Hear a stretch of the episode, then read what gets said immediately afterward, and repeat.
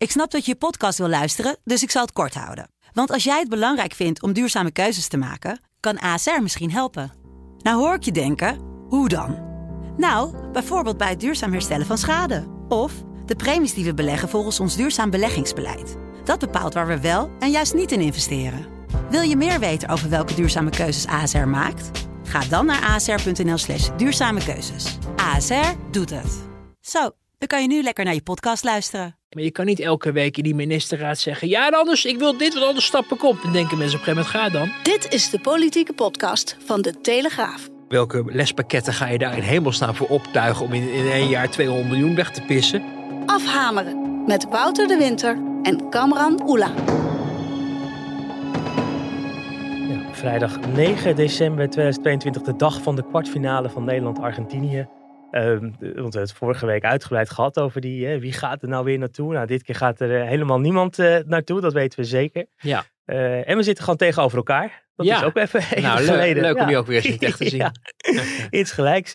Misschien luistert u pas in het weekend en dan is die wedstrijd al afgelopen. En is inmiddels al in discussie wie er naar de halve finale gaat. Ja, dus daar kunnen we het er maar beter niet over hebben. Nee, toch? Dan eh, Nee. hebben we het vorige week zo uitgebreid over gehad. De- de- genoeg andere onderwerpen om, eh, om, te, om te bespreken. Kamerleden die rare uitspraken doen, daar gaan we het straks over hebben. Kunt u alvast een beetje nagaan, denk ik, welk Kamerlid dat nu dat weer zou dat zijn nou geweest. Ja. Eh, maar we beginnen even met, eh, met iets anders. Want over tien dagen dan, ja, dan gaan de excuses worden gemaakt voor het slavernijverleden. Dat is inmiddels aangekondigd. Er zijn allerlei bewindspersonen die de hele wereld eh, overgaan om, eh, om dat eh, op een bepaalde manier te gaan doen. Maar er is ook echt zo ontzettend veel gedoe over.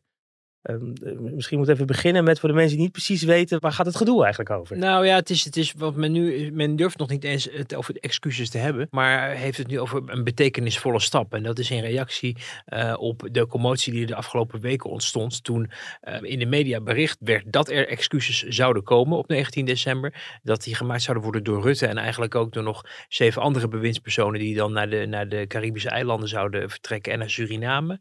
En dat zou dan ongeveer gelijktijdig allemaal moeten plaatsvinden. Dat besluit om eh, die excuses aan te bieden is ei- ei- wel al veel ouder. Dat stamt al van voor de zomer. Eh, en was in navolging van eh, signalen die er ook vanuit de Kamer waren gekomen. Dat het kabinet voor eh, het, ehm, ja, eh, het, het, herdenkingsjaar 2023 met een kabinetsreactie moest komen over hoe zij daarop reflecteren. En, en wat, zij, ja, wat zij daar ehm, rond van plan zijn. En dan werden daar dus ook dus excuses eh, over verwacht dat die gemaakt eh, zouden worden. Eh, in het regeerakkoord staat eigenlijk het woord slavernij maar twee keer eh, genoemd. En namelijk dat er eh, aandacht moet komen voor, eh, nou ja, voor de geschiedenis, maar ook voor het slavernijmuseum. Eh, maar niet over excuses. Maar ik heb me laten vertellen dat dat wel in informatie eh, besproken is. Hm. Dat zijn van die dingen hè, die je dan niet altijd eh, op papier ziet, maar waar je wel, soms had je in vroeger tijden nog wel eens een side letter, waarin afspraken gemaakt werden in een, in een coalitie die dan niet in het regeerakkoord stonden, maar ergens in een kluis op het ministerie van Algemene Zaken lagen, omdat ze politiek eh, gevoelig waren. Bijvoorbeeld dat er destijds dan geen onderzoek zou komen naar de, de, de inval in Irak, eh, herinner ik mij nog uit het ver verleden. Maar eh, inmiddels is, eh, eh, is wel duidelijk geworden dat men dus al in, in veel vroeger stadium dan afgelopen maanden of afgelopen twee maanden heeft bedacht die excuses moeten komen. En op het moment dat je dat besluit neemt, dan mag je dus ook verwachten dat een, een ministerie, in dit geval coördinerend het ministerie van Binnenlandse Zaken en Koningsrijksrelaties, ook gezien de gevoeligheid van het onderwerp, want me dunkt dat die gevoelig is natuurlijk, contact zoekt met de landen of rijksdelen waar de excuses wellicht zouden eh, landen. eh, en mm, ja, ook met belangengroeperingen om de tafel gaat zitten. eh, om te kijken of je dit op een manier kan doen dat iedereen er ook echt wat aan heeft. Mhm. Want we moeten natuurlijk niet vergeten dat er ook nog heel veel Nederlanders zijn die eh, excuses maken over iets wat honderden jaar geleden gebeurd is, ongepast is. Omdat de huidige generatie het niet verweten kan worden, want die hebben daar een apart nog deel aan gehad. Eh, en, en nou ja, dat sowieso een gevoel is bij, bij veel mensen dat er ja, een soort eh, weg met ons mentaliteit is ontstaan. Waarin uh, sommige mensen wel heel erg uh, snel overal zich voor verontschuldigen tegenwoordig. Uh, en er ook vermoed wordt dat er een, een, misschien een, een, een, financieel motief zit achter het feit dat excuses worden geëist. Omdat dat dan ehm, ja, daaruit voort zou kunnen komen. Ja, over, het gaat over dan slachtofferschap. Precies, in dit geval, ja. we toevallig afgelopen zaterdag daar ook een groot verhaal over in de, in de, in de krant. Ja dat het dan in dit geval wel om generaties later gaat, die zich nu dus nog steeds slachtoffer voelen. Ja. En dus aanspraak zouden kunnen maken op geld. Ja, en dat dan de huidige generatie of uh, misschien wel de toekomstige generatie daar dan uh, een soort compensatie voor zouden moeten betalen aan de mensen die uh, voortkomen uit de tot slaaf gemaakte van destijds. Nou ja, dat, dat is iets waar ook niet iedereen in de Kamer het automatisch over eens is. Als je je, je licht ook opsteekt achter de schermen hoor je acceptatie over het feit dat er excuses worden aangeboden. Uh, uh, in ieder geval in de coalitie, maar dat ook in de coalitie uh, men nog een robbertje wil vechten over de 200 miljoen die wordt uitgetrokken, die naar waarschijnlijkheid wordt vrijgemaakt voor bewustwording. dat is overigens 10 keer 20 miljoen over 10 jaar verspreid, dus dat hm. valt qua, qua geld er echt nog wel mee als je, als je het vergelijkt met in één klap 200 miljoen. Dan denk je al heel snel van waar ga je, welke lespakketten ga je daar in hemelsnaam voor optuigen om in, in één jaar 200 miljoen weg te, weg te pissen. Goud, uh, met goud uh, belegde pagina's. Precies, dat is, uh, dat, nee, dat, dat dus, maar het is dus 10 keer 20 miljoen. Geld dat bij elkaar is geschraapt door ministers van, van de BZK, dus Middellandse Zaken, VWS en ministerie van Onderwijs. Dus Um, nou ja, daar, daar, daar, daar zit al een gevoeligheid dat men daar ook nog wel even goed over wil horen wat men daar nou precies over van plan is. Maar als je dan vervolgens de derde stap, die hmm. zag ik trouwens door de gevolmachtigd minister van Sint Maarten uh, in, ik meen dat het in, uh, bij de NOS stond, ook logisch wordt geacht. Hè? Schadevergoeding of herstelbetaling, mm wat dan ook. Um, daar is veel weerstand uh, voor, ook, ook nog bij in de coalitiepartijen. Dus die kans wordt echt, er wordt echt gezegd, that ain't gonna happen ieder geval niet in deze coalitie. Uh, maar ja, andere mensen zeggen weer, als je eenmaal excuses hebt gemaakt, dan is het een, een vervolgstap. En we hoorden de minister-president na het katshuisoverleg, wat er uh, donderdag was, uh, ook zeggen dat deze discussie pas eindigt als niemand meer gediscrimineerd wordt in Nederland. Nou ja, dat is denk ik sowieso een ja, rare veronderstelling. Want de mens is nou eenmaal uh, geen lievertje. En er zullen altijd mensen worden gediscrimineerd, helaas, waar ook ter wereld. Uh, maar de gedachtegang is dus dat het niet stopt bij de 19 december. Mm -hmm. Waarin wij begrepen dat Rutte in geval dan um, die excuses zou maken. En dat in die kabinetsreactie dat ook wordt uitgelegd door die verschillende bewindspersonen. Uh, in die, in die voormalige koloniale delen van het, van het Koninkrijk. Dus die gaan daar het, het, uitleggen. Die gaan daar niet uitleggen. zozeer ook excuus maken. Nou ja, dat, dat, dat, dat probeerden we dus gisteren nou even helder te krijgen. Omdat dat ineens niet meer... Het, we gingen, Rutte had het over een betekenisvolle stap. Zo. Je kan natuurlijk aankondigen dat je excuses gaat maken volgend jaar bijvoorbeeld. Op 1 juli met, met, het, met de echte herdenking. Dat een 150 jaar na, het, na de afschaffing van de slavernij. Dat, dat is dat ja. symbolische moment ook. Of een heel nou ja, betekenisvol moment, ja. zoals ja. we dat noemen. Ja, oh, ja. En, en wat wij begrepen is dat, dat het niet zozeer de bedoeling was dat al die bewindspersonen allemaal eigen zelf, zelfstandig excuses zouden maken. Uh, maar wel zouden verwijzen naar de kabinetsreactie die dan in Den Haag uh, in ieder geval door Rutte wordt toegelicht. Waarvan dan verwacht wordt dat daar op een of andere manier excuses aan verbonden worden of worden aangekondigd.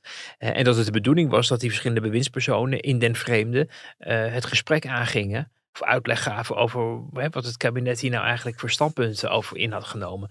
Nou ja, eh, dat ging een beetje een eigen leven leiden de afgelopen weken vanwege het feit dat er over bericht werd dat er excuses zouden komen en dat er 200 miljoen aan verbonden zou worden. Ik heb zelf ook nog Rutte gevraagd van wat houdt het dan allemaal precies in een paar weken geleden toen dat, toen het uitlekte en toen wilde hij helemaal niks over zeggen en toen werd gezegd dat ziet u wel op 19 december. En dat leidde dan ook weer in de Tweede Kamer tot enige uh, ja, beroering. Want uh, op het moment dat jij over zo'n belangrijk onderwerp uh, hele ja, uh, krachtige woorden overweegt uit te gaan spreken. En daar wellicht ook nog andere consequenties aan hangen. Bijvoorbeeld die 200 miljoen. Maar laten we het dan niet alleen over het geld hebben. Maar, maar ook gewoon het, het, dat het, toch, het is toch een belangrijk deel van ons verleden geweest. dat ook de Kamer daar wel wat over mag vinden. En Rutte die ja, die had daar eigenlijk niet zoveel zin Hm. in. Die zei 19 december is het zover. Kortom, eh, dat leidde ook al, al tot spanningen. En dat leidde ook tot beroering in de verschillende eh, ja, zogenaamde belangengroeperingen. Van mensen die dan aan tafel mogen zitten om, om uit te leggen wat zij belangrijk vinden. En eh, ik zag op het journaal een mevrouw eh, uitleggen dat... eh, het een meneer, dat weet ik even niet meer. Maar dat, dat als, het, als excuses worden aangeboden, dat dat voor sommige groepen nabestaanden, zeker in Suriname, op een bepaalde manier moet gebeuren. Dat men ook nog het contact zoekt met de, de voorvaderen, via spirituele zin bijvoorbeeld. Nou ja, dat zijn dingen die je binnen de vierkante muren van het ministerie van Binnenlandse Zaken misschien niet 1, 2, 3 verzint. Eh, dus dat geeft aan dat hè, ook de on- die er geuit wordt, dat het ja, misschien toch een wat betere voorbereiding had vereist. Ja. Om te voorkomen dat nu je mensen naar het katshuis moet halen, twaalf dagen voordat het zou gebeuren omdat ehm, ja, de boel niet meer, ehm, ja, de boel eigenlijk wegloopt. En het mooie, bijzondere moment wat men beoogd had, een eh, zwarte eh, scha eh, scha schaduwsluier over zich heen krijgt. Het klinkt bijna een beetje als een soort stikstofkaartje. Dat het gewoon eh, qua procedure eh, weer niet op de juiste manier gaat. Dat het niet, niet, wel de juiste partij bij betrokken, maar dan niet op het goede moment Ja. met ze in gesprek gaan. En dan gewoon iets, eh, iets naar buiten brengen Ja, en alle pop aan het dansen. be- begeleid door het ministerie van Binnenlandse Zaken, door, kijk, mensen kijken ook naar de minister van Binnenlandse Zaken, eh, Hanke Bruins-Slot. Nou, die kennen we eigenlijk vooral als invalminister toen de boerenprotesten in de zomer Mhm. plaatsvonden. Daarna niet zoveel meer van gehoord. Je zou hopen dat ze haar tijd nuttig had besteed, maar daar is dus kennelijk niet iedereen het over eens als het over dit onderwerp eh, gaat. En ehm, ik hoorde ook wel opmerkingen in Den Haag van het is, en dat, en dat herken ik ook wel uit andere dossiers, dat op het moment dat je iets gaat doen wat bepaalde belangengroeperingen heel lang al willen, dat eh, het moment dat het dan ook echt gaat gebeuren, dat ook die belangengroeperingen, nou ja, eh, ineens ehm, ook heel dichtbij hun misbaarheid brengt. Want op het moment dat dat aan de orde is gesteld en er zijn excuses aangeboden, of dat 19 december of misschien uitgebreider op 1 eh, juli, juli gebeurt, ehm, dan is, ja, dan op een gegeven moment probeert Den Haag dan ook wel een streep Mhm. onder te zetten. En dat maakt sommige belangengroeperingen ook wel eens onrustig, omdat je dan je eigen bestaansrecht verliest. Eh, en dan wil men in ieder geval ook voor de achterban laten zien dat men toch nog wel echt het onderste uit de kan heeft weten Ja. te halen. Dat geldt echt niet alleen maar voor dit onderwerp, dat geldt ook bij hele, eh, zelfs bij CAO-onderhandelingen is dat de vakbeweging nog even wil grommen om te laten zien, eh, hè, we hebben toch nog een kwart procentpunt erbij eh, uit onderhandeld. Ehm, dus dat, dat hoort ook bij politieke overleggen en ik, wil, ik geloof ook echt niet dat eh, er helemaal geen achter de schermen overleg is Hmm. geweest. Ehm, maar je moet toch wel concluderen dat het behoorlijk eh, van de rails is gelopen. En zeker de positie van minister Weerwind. Ja, want dat is nog, eh, dat was nog, nog, nog weer een kwestie eh, binnen, de, binnen de kwestie. Ja. Minister Weerwind die gaat inderdaad eh, richting Suriname is het, eh, is het voornemen. Maar het is een donkere minister met Surinaamse roots. Ja, en die is dus niet wit genoeg, zoals wordt gezegd, om excuses te maken. Ja, er werd gisteren echt gezegd dat eerst maar iemand eh, min of meer de plooien, een wit, een wit persoon de plooien moest eh gladstrijken. Dat eh, Weerwind niks te zoeken had, kennelijk in Suriname, op het moment dat die 19 december dan plaats heeft en die dag vrij is. Ja, dat hoorde ik ook wel, leidde wel ook in Den Haag wel tot irritatie, omdat daarmee, ten eerste was het, begrepen wij, Weerwind die zelf graag naar Suriname wilde daarvoor. Die ook al een programma in zijn agenda aan het inruimen was en vrij ruim de tijd wilde nemen. Ook om bijvoorbeeld met zijn evenknie op justitie hè, van de Surinaamse regering eh, wilde spreken. Want eh, nou ja, er zijn natuurlijk nogal wat, eh, wat dingen ehm, eh, eh, op justitieterrein die eh, Nederland en eh, Suriname vaak tegelijk raken. Eh, al is het maar omdat de voormalige president een, druk, veroordeeld drugsdealer is. Dus nou ja, ehm, toch genoeg om het over te hebben.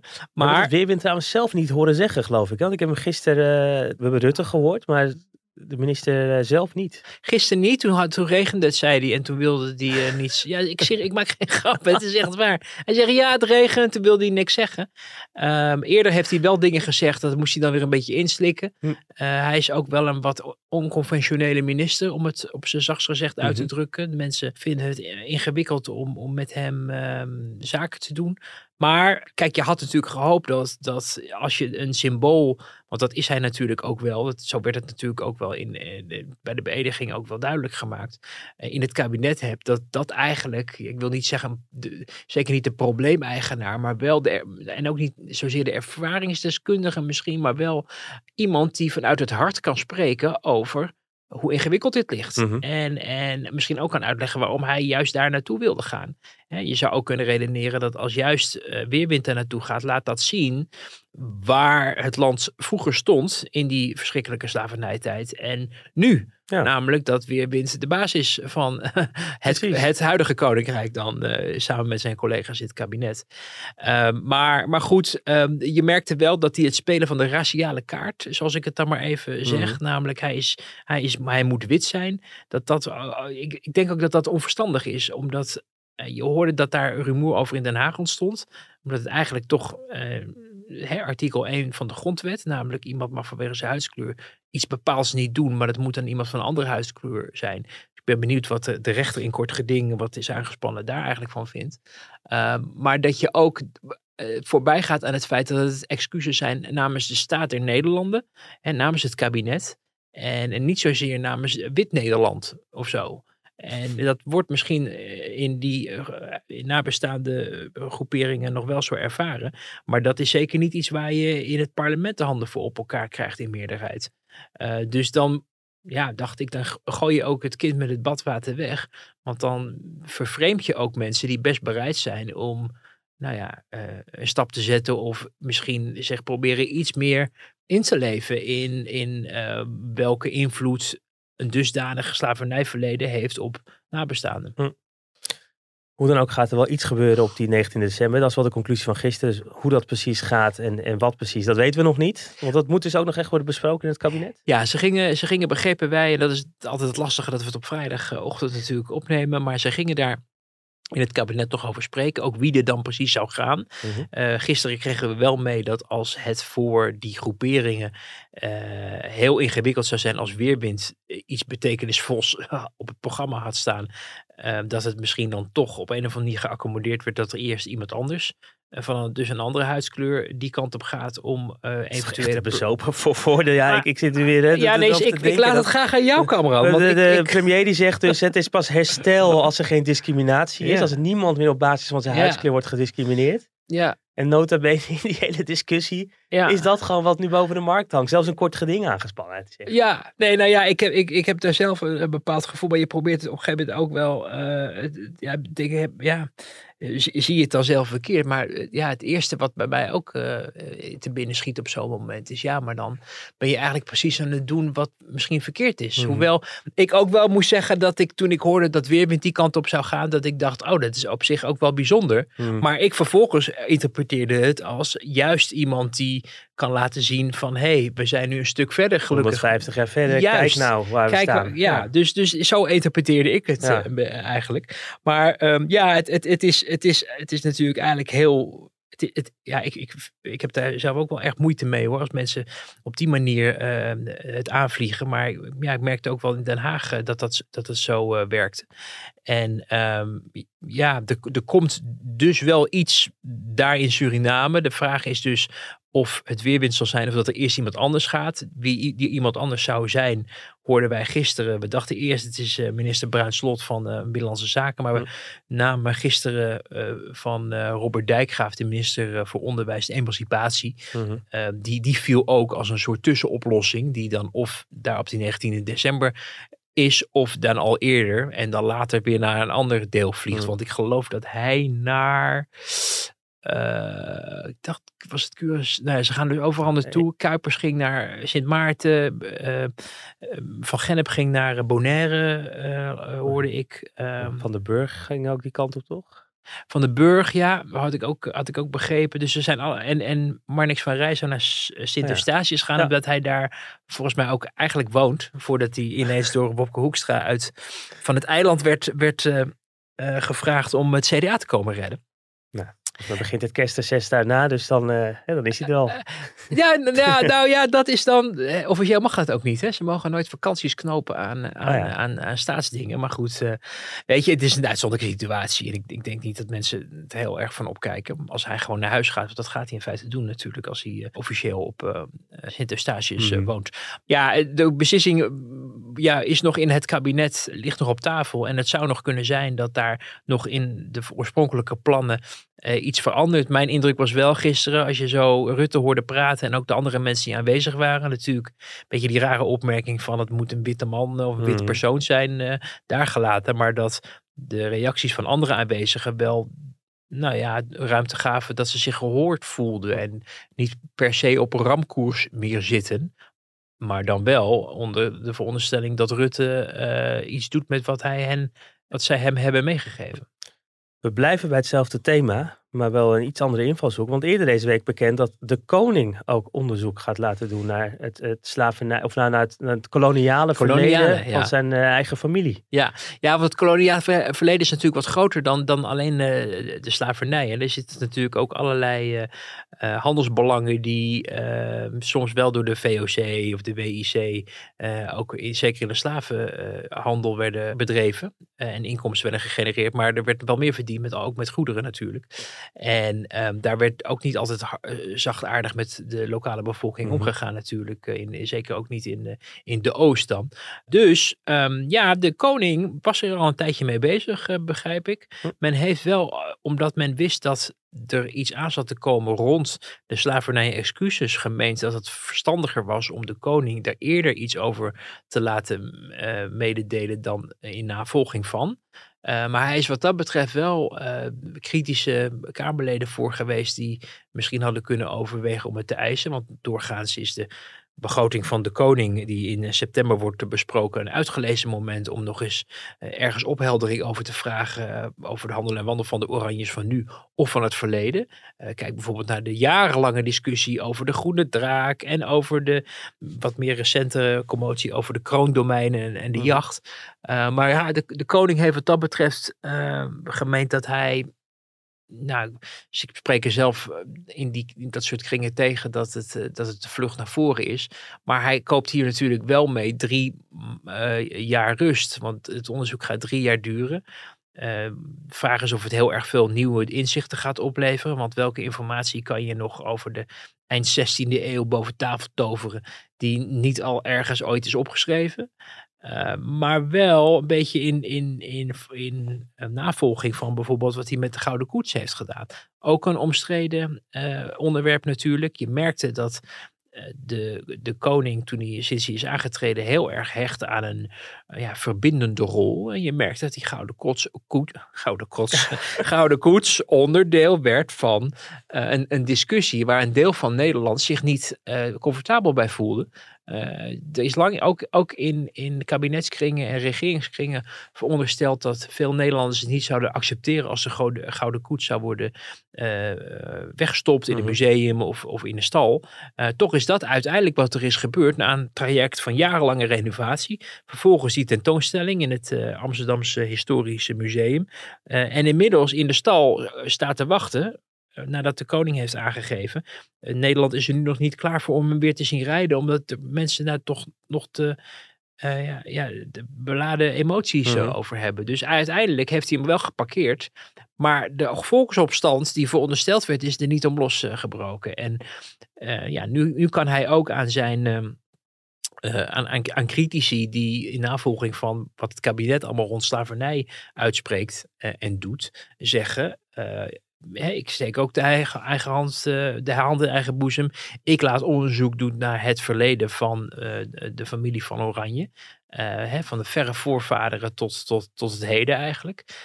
en um, daarmee ook de, de, eigenlijk het achterstallig onderhoud ook in de Oranje-familie mm pleegt. Want eh, iedereen weet wel dat de Oranjes ook rijk zijn geworden van uh, de, de, de koopmansgeest, de koning koopman. Ik geloof dat dat Willem I was. Willem III heeft, schijnt ook nog wel goed nou ja, huis te hebben gehouden, geld op te hebben gestreken.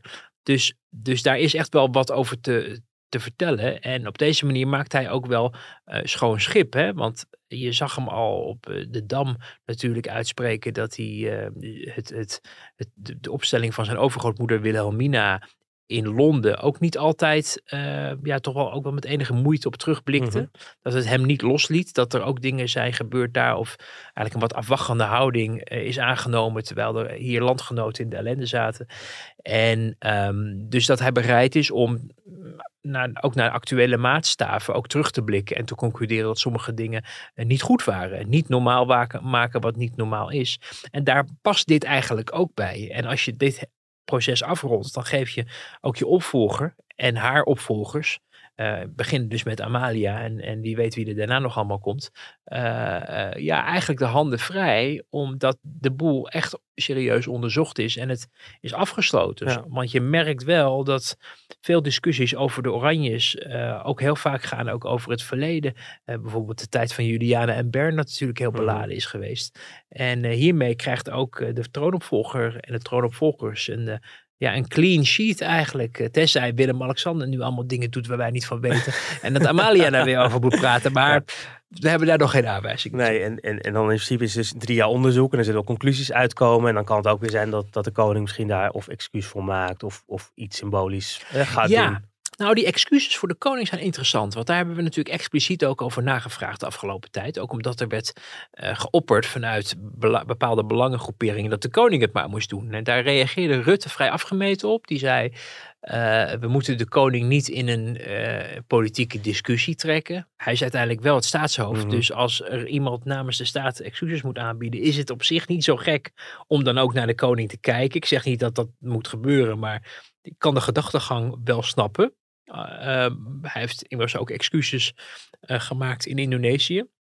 Maar dat gebeurde in navolging van het Nederlandse kabinet. Hè? Dat werd toen ook. Ze, ze, ze probeerden het ook best wel te downplayen. Ook in, in regeringskringen. Dat de koning die woorden in Jakarta toen uitsprak. Ik zat daar toen bij. Het was in de, in de ochtend. En hier was het echt midden in de nacht. Dus wij waren allemaal heel opgewonden erover. En in, in, hier nam niemand op. Hier nam niemand op. Het was, het was heel frustrerend. Dus al die redacties. Ik, ik, weet het moment nog goed. Maar het was toch wel een heel bijzonder moment. Maar dat is echt ook onverwacht, toch, meen ik me te herinneren. Ja. Dat, ja, het was me ook nog navraag gedaan. Ja. Omdat het ja. rondzoomde. Ja, en het, en het interessante daarbij was dat, dat zij zeiden, ja, de koning zegt niks nieuws, want hij herhaalt de woorden van, was het nou Jan Pronk of Koenders? In ieder geval van een van de, de oude ministers uh, op dat uh, terrein, die daar al iets over gezegd hadden. En toen werd ik er deze week ook op gewezen, van zo'n route kan natuurlijk voor de koning ook. Hè. Op het moment dat er excuses moeten komen, die zijn nog niet uitgesproken en de koning zou ze uitspreken, dan zou dat een heel, ja, heel anders zijn dat als eerst het kabinet uh, excuses maakt en de koning op termijn, of dat nou volgend jaar is of later, die woorden nog eens herhaalt of daaraan refereert. En dan, dan heb je eigenlijk bijna een soort Indonesië-situatie, ja. krijg je dan. En dan is de, de, de, de commotie en, en het gewicht wat aan de excuses, omdat de koning ze maakt en ook gezien dat familieverleden, hè, wordt dan op, op, ja, op een veel, heel andere manier aangevlogen dan als je het eerst kabinet laat doen. Wat ook wel een beetje verklaart, denk ik, waarom het kabinet zo graag nu het zelf wil doen. Uh, omdat je in ieder geval wel die basis moet hebben gelegd uh, ja. dan. Dus ik zeg niet dat de koning het gaat doen. Uh, maar als het kabinet dat van hem verlangt, zal hij dat moeten doen. Het kan dit kabinet zijn, kan het volgende kabinet zijn. Maar de route om dat dan eerst door het kabinet zelf te laten doen, is, is, ligt wat dat betreft meer voor de hand ja. op dit moment.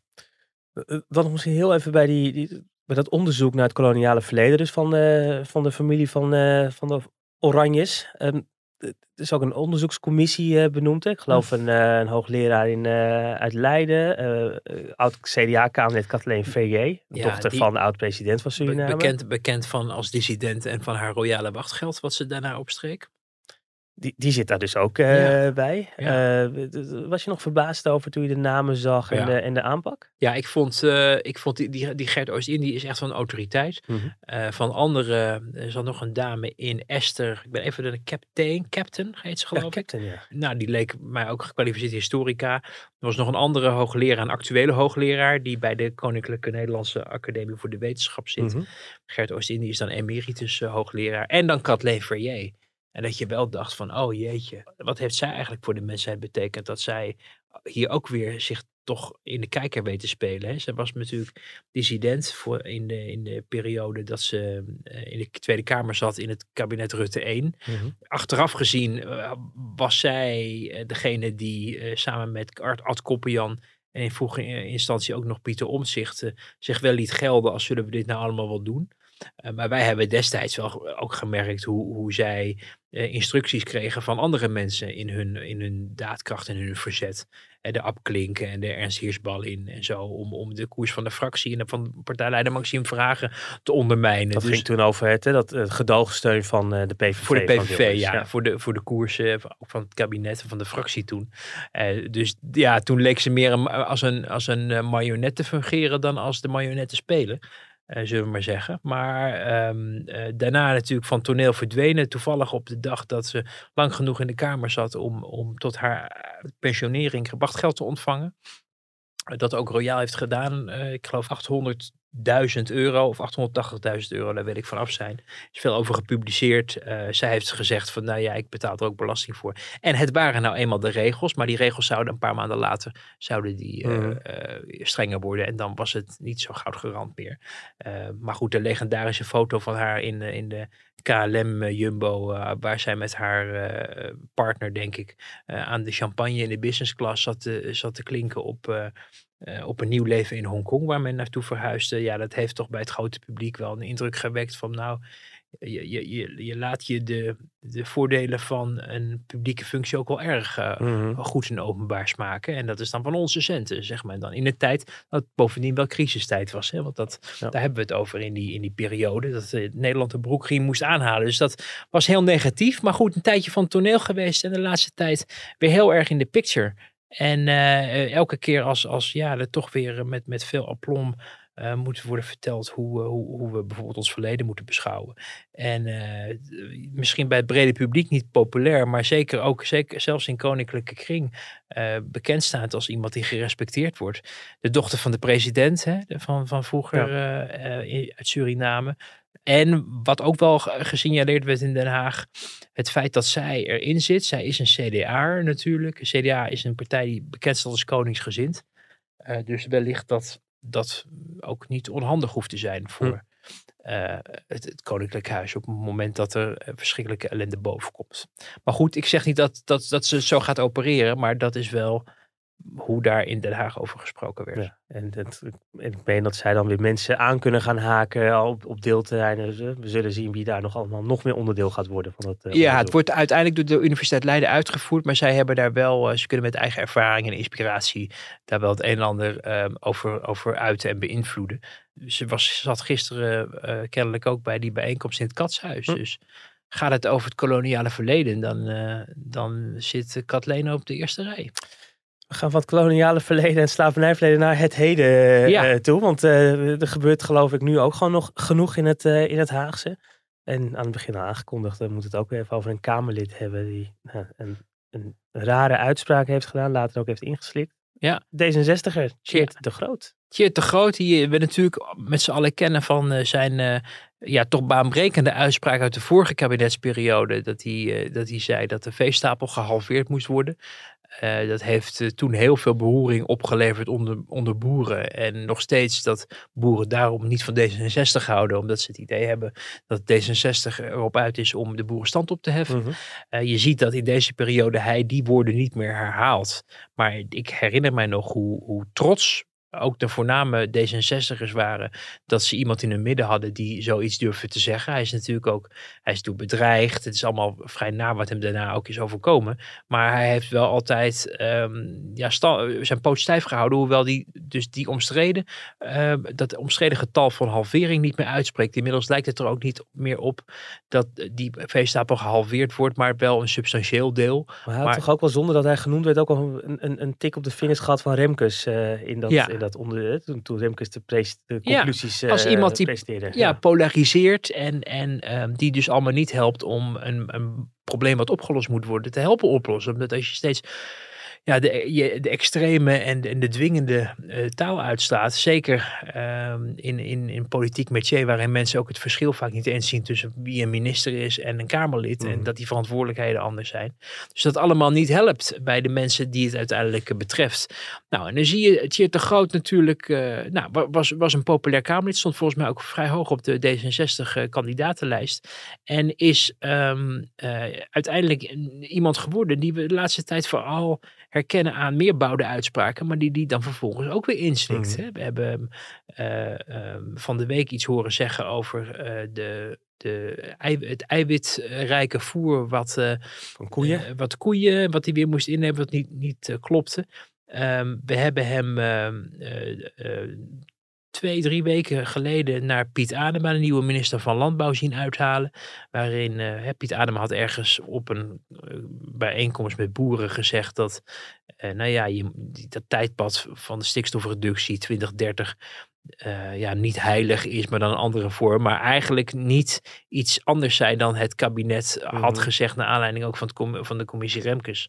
Eh, namelijk dat je die evaluatiemomenten hebt. En, en nou ja, dat moest Brussel ook gecommuniceerd krijgen. En nou, het vaart even te ver om daar helemaal op in te gaan. Ja. Maar in ieder geval, hij had iets gezegd wat is opgepikt door, door, een, ehm, door een medium. Dat is uitgevent. En eh, de Groot was de volgende ochtend in alle staten. En eh, zei dat de minister eh, zijn woorden moest terugnemen. Want anders zou, eh, eh, zouden de, de consequenties eh, heftig zijn. Eh, eh, heeft een heel groot probleem, had de minister. Nou, de mi- minister nam helemaal niets terug. Eh, kreeg daarvoor ook steun van, van zijn collega's in het kabinet dat hij niks geks had gezegd. En eh, vervolgens hoorde je Tjeerd de Groot ook niet meer. Nee, geen consequenties dus. Precies. En Ja. je kan als Kamerlid, en zeker als jij eh, gezag had en heel prominent, toch een prominent Kamerlid bent, kan je natuurlijk niet aan de gang blijven met allerlei dingen roepen waar je dan later weer spijt van krijgt die je weer in moet stikken. En nu had hij van de week dus tegen een eh, verslaggever van Ongehoord Nederland, publieke omroep, uh, genoemd dat het een, een fascist zou zijn. Omdat hij kennelijk bij een, bij een omroep uh, werkte die loopjes zou nemen met de waarheid, complottheorie, et cetera. Mm. Nou ja, weet je, we hoeven hier niet ongehoord Nederland te, uh, te gaan uh, evalueren, maar het mogen duidelijk zijn dat daar rare dingen gebeuren. En, en, uh, maar iemand tot, en zeker een journalist, want dat is het nog steeds wel van de publieke omroep, die dan maar even in het voorbijgaan voor fascist wordt uitgemaakt. Ja, ja er gebeuren ter extreme zijde wel vaker hele gekke dingen, uh, maar het is juist D66 die altijd de boer op gaat en zegt dat je uh, journalisten ook veilig moeten houden, dat die het recht hebben om, om hun werk te doen. En vrije meningsuiting zonder voor hun veiligheid te moeten vrezen. Dus dat was een hele rare opmerking die ja. hij dus ook weer heeft ingeslikt. Dus hij wordt een beetje de nieuwe, de nieuwe Sjoerd Sjoerdsma van, van D66. Iemand die, die wel zich elke keer in de kijker weet te spelen, maar daar zichzelf daar niet populairder of geloofwaardiger mee maakt. Ja, een beetje naar zijn schoenen gaan lopen als ik het zo ja. hoor. Hè? Dat is iemand die ja, ja, en, kennelijk opeens aan populariteit heeft gewonnen. Ja. Door, hè, door iets wat bij de achterban dan hè, ook kennelijk ook goed ligt. Ja, ja. En, en, en daarmee ook uh, zichzelf in de vingers snijdt. Want hm. hoe werkt het in Den Haag? Uh, je kan, uh, even als je het, de analogie pakt voor een minister of een staatssecretaris die met zijn of haar portefeuille zwaait, dat kan je één keer doen. Maar je kan niet elke week in die ministerraad zeggen, ja anders, ik wil dit, want anders stap ik op. Ja. Dan denken mensen op een gegeven moment, ga dan. Ja, precies. Dus, dus dat, kan je, dat kan je eigenlijk alleen maar doen als je echt denkt van, dit is voor mij zo belangrijk, hè, dat je, ik moet het machtswoord spreken, zullen we maar zeggen. En bij hem is het nu, uh, en dat zal in, in in het publieke debat, maar ook in onderhandelingen in de coalitie. Je weet op een gegeven moment ook niet wat je aan hem hebt. Want als hij iets in een onderhandeling iets roept waarvan je denkt, nou, als D66 dit vindt, dan Mhm. uh, moeten we misschien daar maar in meegaan, want anders hebben we een probleem in de coalitie. En je ziet hoe hij nu opereert, dan denk je, nou, je kunt misschien beter aan Jan Paternotte vragen, want die Ja. zegt echt hoe het zit. En daar kunnen we eigenlijk beter zaken mee doen, want hem hoeven we niet meer, niet meer zo serieus te nemen. Dus op zich iemand die dus wel heel, heel voornaam werd en, en, en misschien ook wel dapper voor zijn achterban probeerde de boel op scherp te zetten en dingen te bereiken. Uh, zich nu min of meer door zijn eigen geklets uh, Ja. een beetje uh, ongeloofwaardig aan het maken is. Ja, dus je schaadt je eigen reputatie, maar daarmee ook van je partij dus. Hè? Want het is Ja. al de tweede D66-Kamer, die noemde Sjoerdsma net al, die populair zou kunnen zijn of belangrijk zou kunnen zijn. Nou, ook als het met heel veel aplomb en, en hoogdravendheid vertelt hoe andere mensen zich moeten gedragen. En in de wereld moeten staan. Maar op het moment dat er eh, verhalen over de drankenrodon naar buiten komen en hij de campagneleider is, uh, duikt en daar geen verantwoording over Mhm. aflegt eh, en iemand anders het mes laat vallen. En, en nou ja, dat, dat is, misschien is het een D66 ding of zo, maar ik kan me wel voorstellen dat mensen die in die partij, en dat, dat hoor ik ook, in die partij top zitten en, en of in bewindspersoon zijn of, of, eh, of, of in die fractie, die zich daar wel aan erg aan dit soort Ja. gedrag. Want dat maakt natuurlijk de geloofwaardigheid van de partij ook niet beter. Mhm. We gaan Nou. ze in de gaten blijven houden, eh, Wouter. Wat, eh, wat ze komende week weer gaan, eh, gaan zeggen. En, want het, het is, het is nog twee weken tot de Nog recess. twee of- weken, ja. Ja. Ze gaan eigenlijk een beetje, echt voor het eerst in jaren, dat ze, dat ze echt tot tegen de kerst doorgaan. Ja. Ja. Het heeft ook met vakantiespreiding geloof ik te maken. Mhm. En, dus we- ze zijn er tot, tot en met de 22e. En de 23e nog een ministerraad. Eh, dus eh, wij hebben ook nog twee. eh, Dan zijn we daar gewoon ook Twee weer. keer afhameren, Ja, ja. Nou, dan zien wij elkaar volgende week. Stel nou dat Nederlands elftal eruit ligt en Pim terugkomt, dan geef ik nog een paar dagen even tijd om bij te komen. ja, ja, is goed. Dus tot volgende week en bedankt voor het luisteren. En u ook tot volgende week.